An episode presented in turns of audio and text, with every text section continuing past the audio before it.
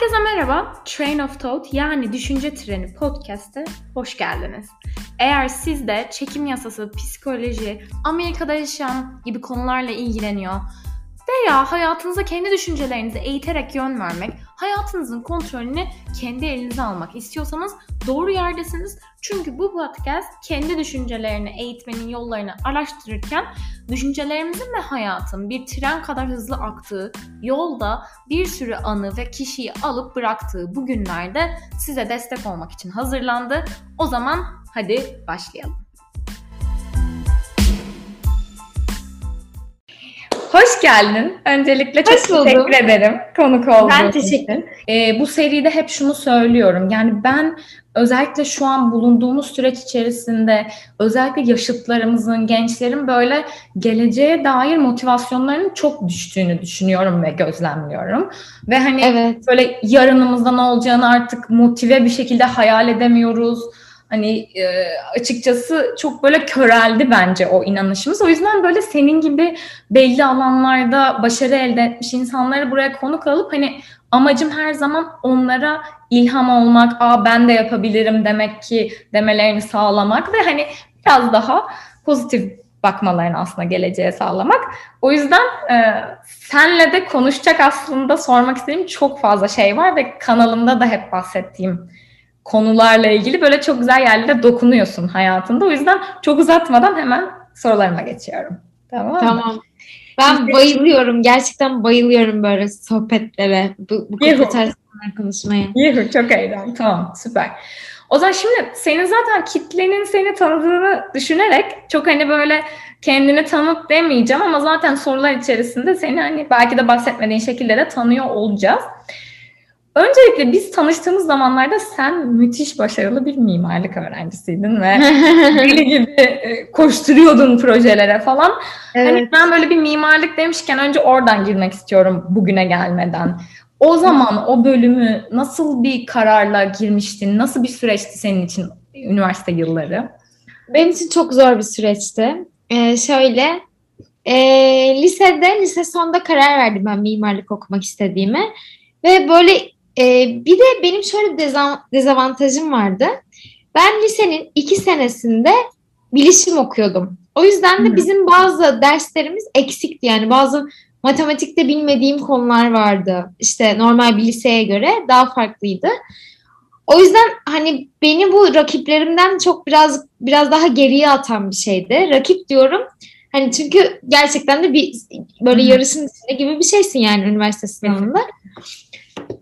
İşte şey hani ben o eksiklerin hepsini belirledim. Sonra bir sene boyunca inanılmaz çok çalıştım ama böyle öyle böyle değil. Ama hani onun da çok sağlıklı olmadığını düşünüyorum bu arada. Yani kendine zarar vermeyeceksin. Her şey gerçekten tadında.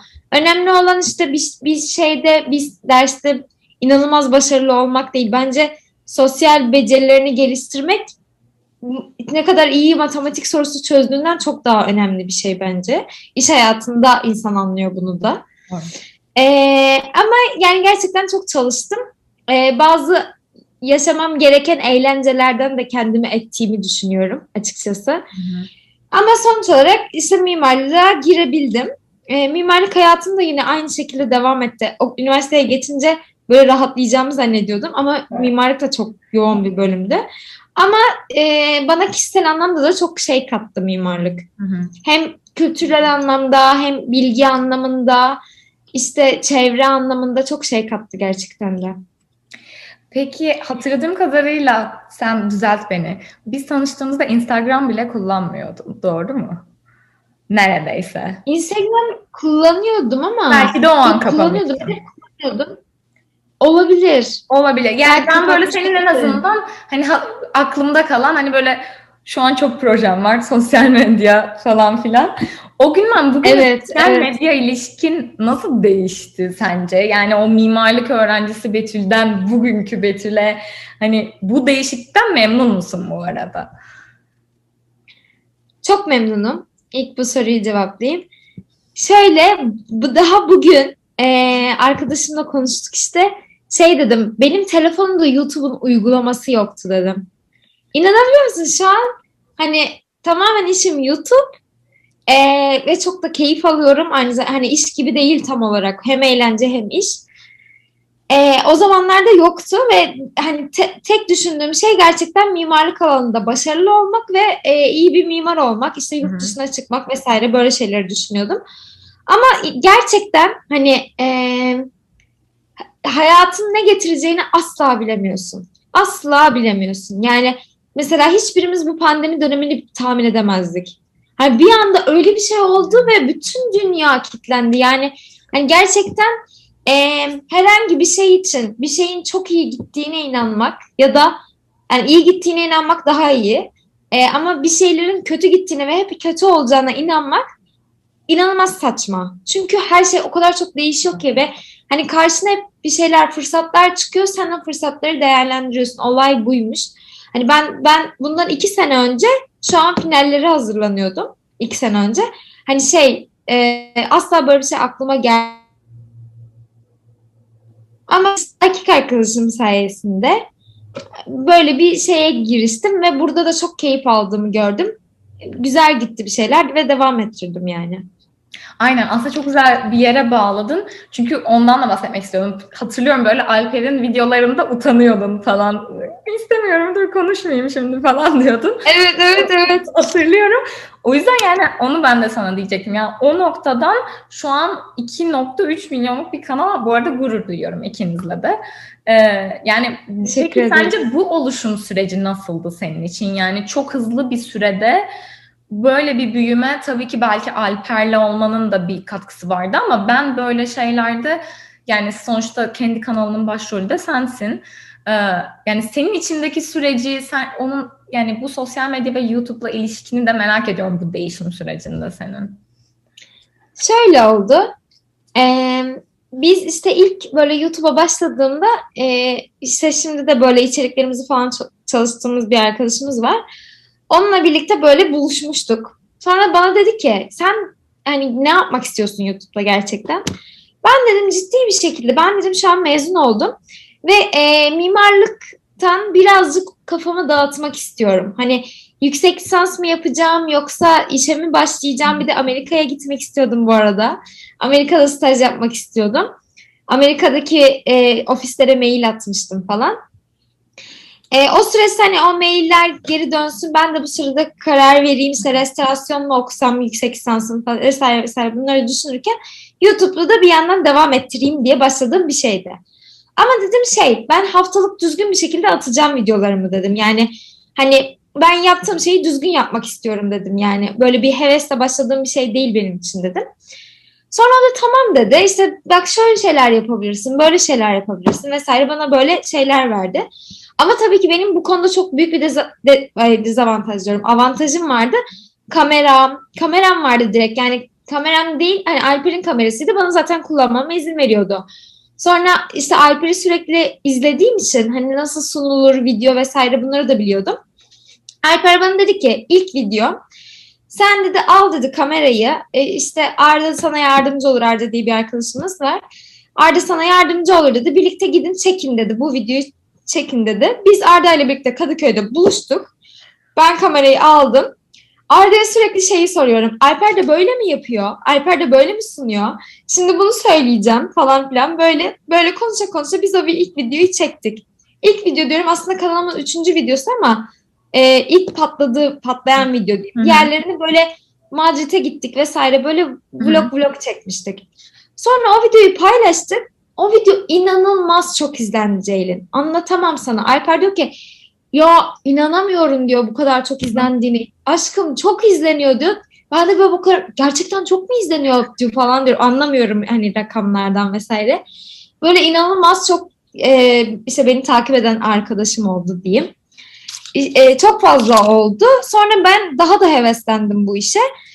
Heveslenince aslında ilk başlarda çok utanıyordum ama şey oldum. Betül şu an böyle bir video var.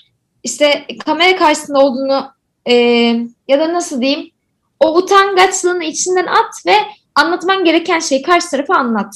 Hani şu an utanacak zaman değil Betül dedim böyle kendime. Kafamda bunu kurdum. Sonra bir daha o işte e, aslında normalde olsa işte utanmam, geride kalırım, Alper'in konuşmasını beklerim vesaire hiçbir şey söylemem falan. Ama orada iş be, benim üzerime düşünce mecburen konuşmaya böyle utanmamaya başladım. Öyle öyle devam etti. Böyle bir zincir bir şekilde güzel bir şekilde devam etti. Alper'in benim şeye e, yani Alper'in benim kanalımın bu kadar büyük yerlere gelmesindeki payı inanılmaz büyük tabii ki.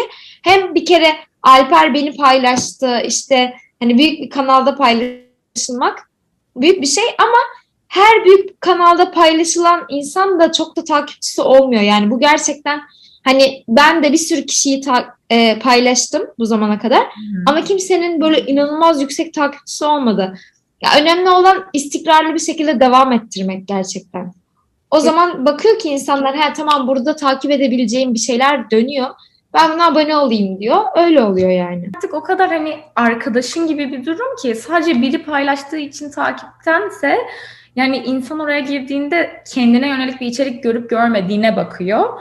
Ama o zaman da yani 5 evet. milyon kişiyle bile o ilişkiyi kursam gerçekliği o kadar fazla ki çok da farklı oluyor yani. Hani Instagram'a falan göre. Kesinlikle. Evet. Birkaç sene önce e, bir Erasmus stajı deneyimin oldu. Evet. E, bundan biraz bahseder misin? Nasıl bir iki ay geçirdin öyle hatırlıyorum. Neler yaptın yani sonuçta kısa da olsa Avrupa'da iki ay yaşamış oldun. Şimdi öncelikle şeyden bahsetmek istiyorum. Staja nasıl gittim? Barcelona'ya nasıl gittim?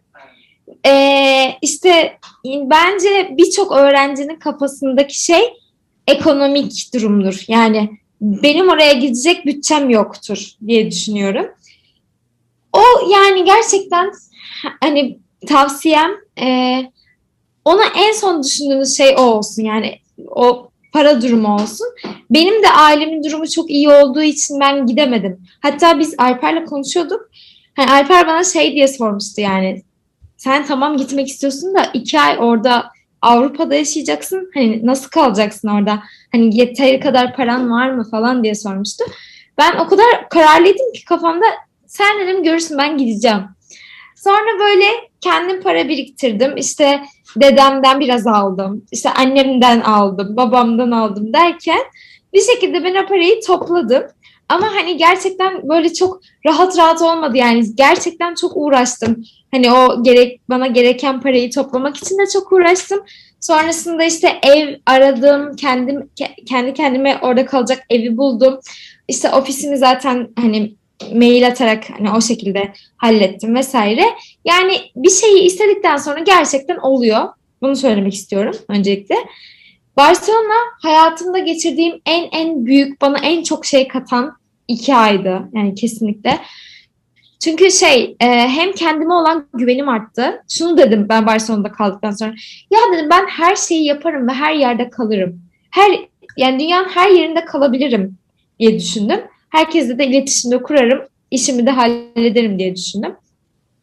Bir de e, şey mimari anlamında da yani gittiğiniz bölümle alakalı da insan hani başka o bölüm o bölümden başka neler yapabilirim ya da o bölüm için hangi alanlarda çalışabilirim onu daha iyi görmüş oluyorsun.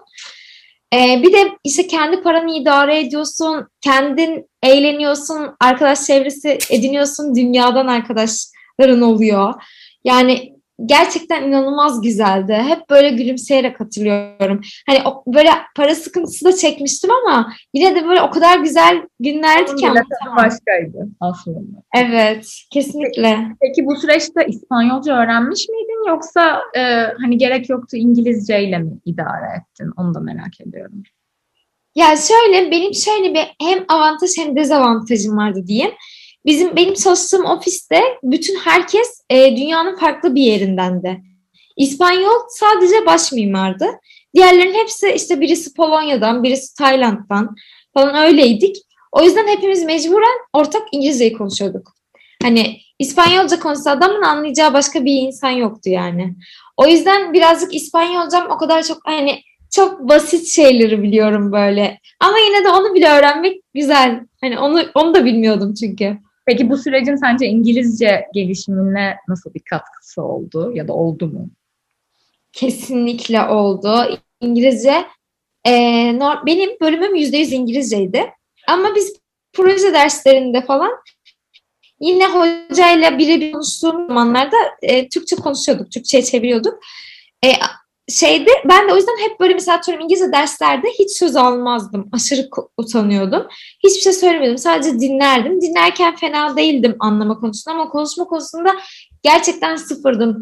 Hani şey diyorlar ya insanın konuşma lobuyla, beyninin konuşma lobuyla anlama lobu farklı yerde diye. Gerçekten öyle. Hiç konuşamıyordum. Orada öyle bir açıldım ki. Çünkü hani ne bileyim aksanımla dalga geçecek kimse yok. Hani ben o derdimi mecbur anlatacağım. Öyle de böyle de hani düzgün bir cümle kurmak zorunda değilsin zaten. Kelime kelime söylüyordum, anlıyordum. Yani o yüzden e, cesaret konusunda çok şey kattı bana.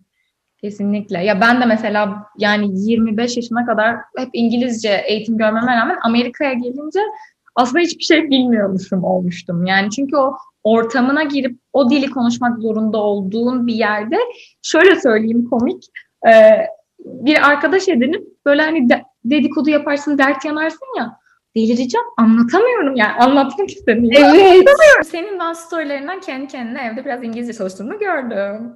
Evet. Şimdi merak ediyorum. Bizle böyle paylaşmak istediğin ya şöyle de bir rutin keşfettim. Şöyle bir püf noktam var dediğin böyle bir yöntemin oluştu mu? Bu evde İngilizce çalışma sürecin nasıl? Ee, bence en etkili olan şey yazarak çalışmak. Yazmak çok iyi oluyor. Bir de şey çok iyi oldu sanırım. Kalıp ezberlemek. Hı hı. Yani mesela bazı şeylerin bir deyim yani Bizde farklı bir şekilde telafi hani e, söyleniyor. Farklı şekilde aktarıyoruz. Farklı kelimelerle aktarıyoruz bir şeyi. Onlar farklı aktarıyor. Biz de onu İngilizceye çevirmeye çalışırken böyle hani hata yiyoruz yani. O yüzden o deyimleri ezberlemeye çalışıyorum. Ee, işte şey bir de dinlediğim şeyde ne söylediğini çok dikkatli anlamaya çalışıyorum. Bir de şeyi fark ettim. Bir tane şöyle bir özellik var e, ne, ne, Learn English with Netflix diye Google Chrome'da Google Chrome'un bir uzantısı var. Onu indiriyorsun. İndirdiğin zaman altta İngilizce altyazısı ve Türkçe altyazısı ikisi birlikte geliyor. O da mesela bayağı benim için iyi oldu yani. Orada mesela bazı aa diyorum mesela aa bunu böyle söylüyorlar. Aa biz böyle söylemiyoruz. Bunlar böyle söylüyorlar vesaire. Kesinlikle. Bir de yoga yaparken de sanki ders izliyorsun gibi bir şeyler gördüm. Evet. Vay be Ceylin beni takip ediyorsun gerçekten. Sıkı takipçinim. şey e, aynen onu da yapıyorum ama o birazcık zor oldu ya Ceylin. Şu yüzden e, yogada da dengede kalman gerekiyor ya. Başka şeyler düşünürken böyle sürekli dengem çok şaşıyor falan. O yüzden birazcık zor oldu ama e, bazen yine de şey yapıyorum Türkçe anlatılan dersleri açıyorum. Çünkü illaki bilmediğim bir deyim bir şey oluyor. O deyimleri açıyorum genelde. Sonra e, deyimleri dinliyorum dinliyorum. Bir de şey yapıyorum. E, söyledikleri zaman ben de kendim a, dilim dönsün diye ben de telaf ben de söylüyorum. Ben de tekrar ediyorum. O da aşırı fark ettiriyor. Çünkü birçok şeyde dilimiz dönmediği için söyleyemiyormuşuz. Kesinlikle. Onu anladım. Duymak, duymak en önemlisi zaten. O yüzden ben de hep yani sevdiğimiz dizileri, filmleri tekrar izlemek, sevdiğimiz müzikleri evet. dinlemek gerçekten e, müthiş katkısı olacak şeyler. Yoga demişken çok güzel bağladım. Şunu da aslında konuşmadan hep, e, geçmek istemiyorum seninle. E, çünkü yoga e, çok büyük bir parçası hayatının. E, evet. Ya, hem yoganın senin hayatına girişi nasıl oldu onu merak ediyorum ama yan, ondan yanı sıra yani başka bir meditasyon ya da farklı bir kişisel gelişime ayırdığın vaktin, rutinin de var mı onu da merak ediyorum açıkçası. Ya şöyle ben yogaya bile zaman ayırırken bazen yani YouTube gerçekten o kadar yoğun geçiyor ki ya da ben hani zam yani zamanımı iyi yönetemiyorum belki de bilmiyorum. Ee, yani yoga yapıyorum. Onun haricinde başka bir şeye zaman ayıramıyorum. Ama yogayı da ben bir saat yapıyorum. Bayağı. O yüzden aynen. O yüzden başka bir şey yapmıyorum. Ama e, yogayı şöyle yogaya şöyle başladım. En başında sınava hazırlanırken ben şey oldum işte ben artık her şeyimi çok düzgün yapacağım, düzgün besleneceğim. ki işte e, düzgün uyuyacağım, iyi çalışabileyim, iyi ders çalışabileyim, işte dikkatim şey olsun, Hı-hı. fast food yemeyeyim, ağırlık çökmesin vesaire. Böyle başladı gerçekten tamamen böyle başladı. Sonra onunla birlikte böyle dinç olma isteği ya da işte hareket ettiğimde kendimi daha iyi hissetmem vesaire. Bunlarla böyle yavaş yavaş işte egzersizler yapmaya başladım. Sonra pilates yapıyordum. Sonra yogayı deneyeyim dedim. Yogada böyle hem aynı zamanda böyle mental e, olarak da sana çok iyi geliyor. O nasıl diyeyim kendime o zamanı ayırmak, kendime o değeri vermek bana kendimi çok iyi hissettirdi. O iyi hissini aldıktan sonra bir daha devam ettirdim. Kesinlikle. Zaten en güzel kişisel gelişim rutinini yapmışsın sen yani. Yok. Evet yani gerçekten herkese tavsiye ederim. Yani insanın hem kas ağrılarını alıyor hem böyle e, daha e, şey uykundan uyandırıyor, daha dinç hissediyorsun. Ondan sonra bunu sürekli yaptığında gerçekten vücudundaki değişimi, esnekliğin arttıkça o şey insanın çok hoşuna gidiyor.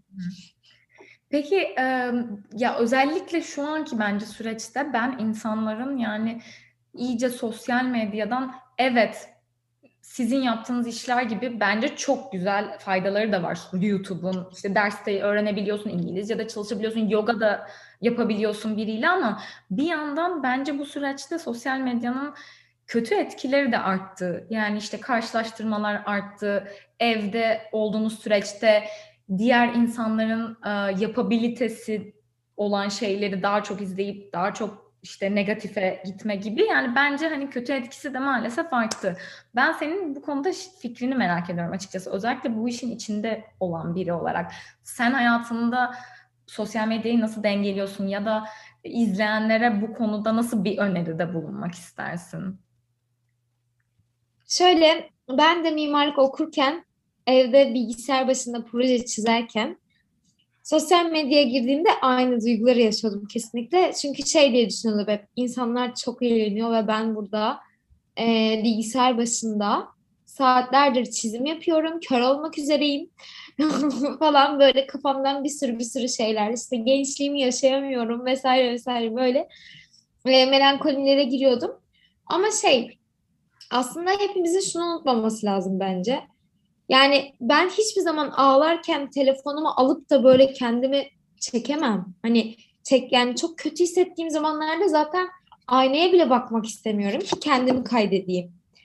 Bunu hepimizin biliyor olmamız lazım. Yani ben gerçekten çok keyifli olduğum bir anı hani o anı ölümsüzleştirmek istiyorsun ve çekiyorsun. E bir de zaten artık sosyal medyada da güzel şeyler paylaşılması vesaire hani bu da artık bayağı bir kültürümüze yerleşmiş oldu. Onu paylaşıyorsun. Yani aslında burada hepimizin şey dememiz yani hepimizin en iyi olduğumuz anlar aynı anlar değil. Sen yarın çok iyisin, ben bugün çok iyiyim. Ben sen bugün üzgünsün, benim bugün mutlu olduğum şeyi gördün. Hani bu demek değil ki benim hayatım mükemmel, seninkisi de çok kötü gidiyor demek değil. Bence bunu öğrenmemiz lazım. Yani mesela ben özellikle negatif şeyleri çok fazla paylaşmak istemiyorum profilimde. Hani o da şu yüzden ben çok derdimi bile çok en yakın arkadaşıma anlatmak istemiyorum. Çünkü onu da negatiflemek istemiyorum yani. Onu da üzmek istemiyorum. O yüzden böyle hani birazcık daha böyle hani nasıl diyeyim üzgün olduğum anı daha sessiz bir şekilde yaşayıp sonra tekrar hayatıma geri dönmek istiyorum. Bence bunun kendi içimizdeki o şeyine kendimizin çözmesi lazım gibi geliyor bana. Bilmiyorum ama tabii hani tabii ki bilir kişi değilim bu konuda ama. Yok haklısın. Bence çok güzel söyledin.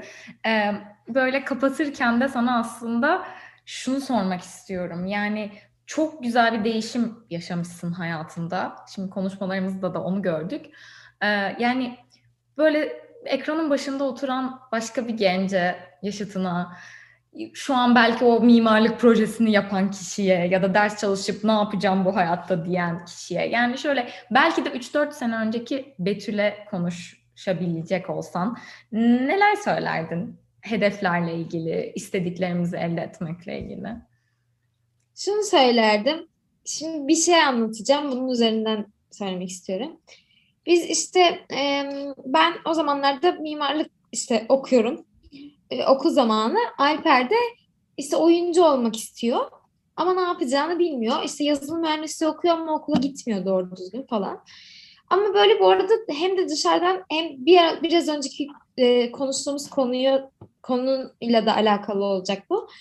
E, dışarıdan da ben Alper'i mesela işte e, ödevlerim arasında takip ettiğimde sosyal medyada, Alper sosyal medyada çok aktif. Çok eğleniyor görünüyor vesaire. Hiçbir korkusu derdi yok. İşte çok rahat gibi görünüyor. Bir gün böyle benim yanımdayken böyle şey hani şeyden bahsetti. Ben iler hani sen belli sen mimar olacaksın. Hani senin hayatın düzgün bir şekilde devam ediyor. Ben ne yapacağım bilmiyorum. Ben çok işte hani kendini çok kötü hissettiğine dair, geleceğinin o belirsizliğinden çok endişelendiğine dair şeyler anlattı. Ve böyle gözleri dolmuştu. Ben çok şaşırdım ve çok üzüldüm. Çünkü hiç Alper'in bunları kafasına taktığının hiç farkında değildim. Yani yani sevgilisiyim ama yani ona rağmen farkında değildim. Yani dışarıdan göründüğümüz gör, göründüğü gibi değil bir şeyler. Onu söylemek istiyorum burada. Ee, bu diğer konuda şimdi bak şu anki duruma baktığımda Alper bana iş, beni iş sahibi yapan insan. Yani o, o dönemde sanki benim hayatım çok iyi gidiyor ve işte bir şeylerim tıkırında gidiyor gibiydi. Sonra ne oldu? Şimdi Alper bana bir, bir şey, bir bazı bana bir, çok güzel kapılar açtı. Yani hayatın ne getireceğini hiçbir zaman bilemiyorsun. Hiçbir zaman ümitsizliğe asla asla kapılmamak gerekiyor. Sadece e, doğru olanı yapmaya çalışmak ve işte doğru kararlar vermeye çalışmak lazım. Çünkü önümüze hiç bizim bilmediğimiz fırsatlar çıkıyor. Hayatı gerçekten bilemiyorsun. Sadece fırsatlarınızı iyi değerlendirmeye çalışın. Ee, herhangi bir kötü bir şeyin de hayatınızın sonuna kadar o şekilde gideceğini düşünmeyin demek istiyorum. Çok teşekkür ederim. Valla ağzıma sağlık. Ee, öncelikle zaten Gerçekten konuk olduğum çok, çok çok mutluyum.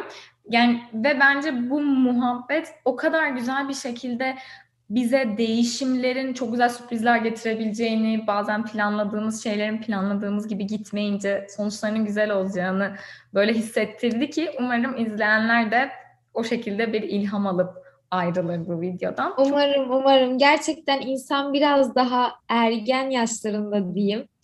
Hani çok şey oluyorsun, çok depresif oluyorsun. Ben kendim hissiyatımı bildiğim için biliyorum. Bir şey olurdu böyle Allah'ım hayatım çok kötü. Hep böyle gidecek işte. Çok kötü oldu. Benim hayatım diğer herkes mutlu ama ben çok mutsuzum vesaire. Hep böyle düşünüyordum.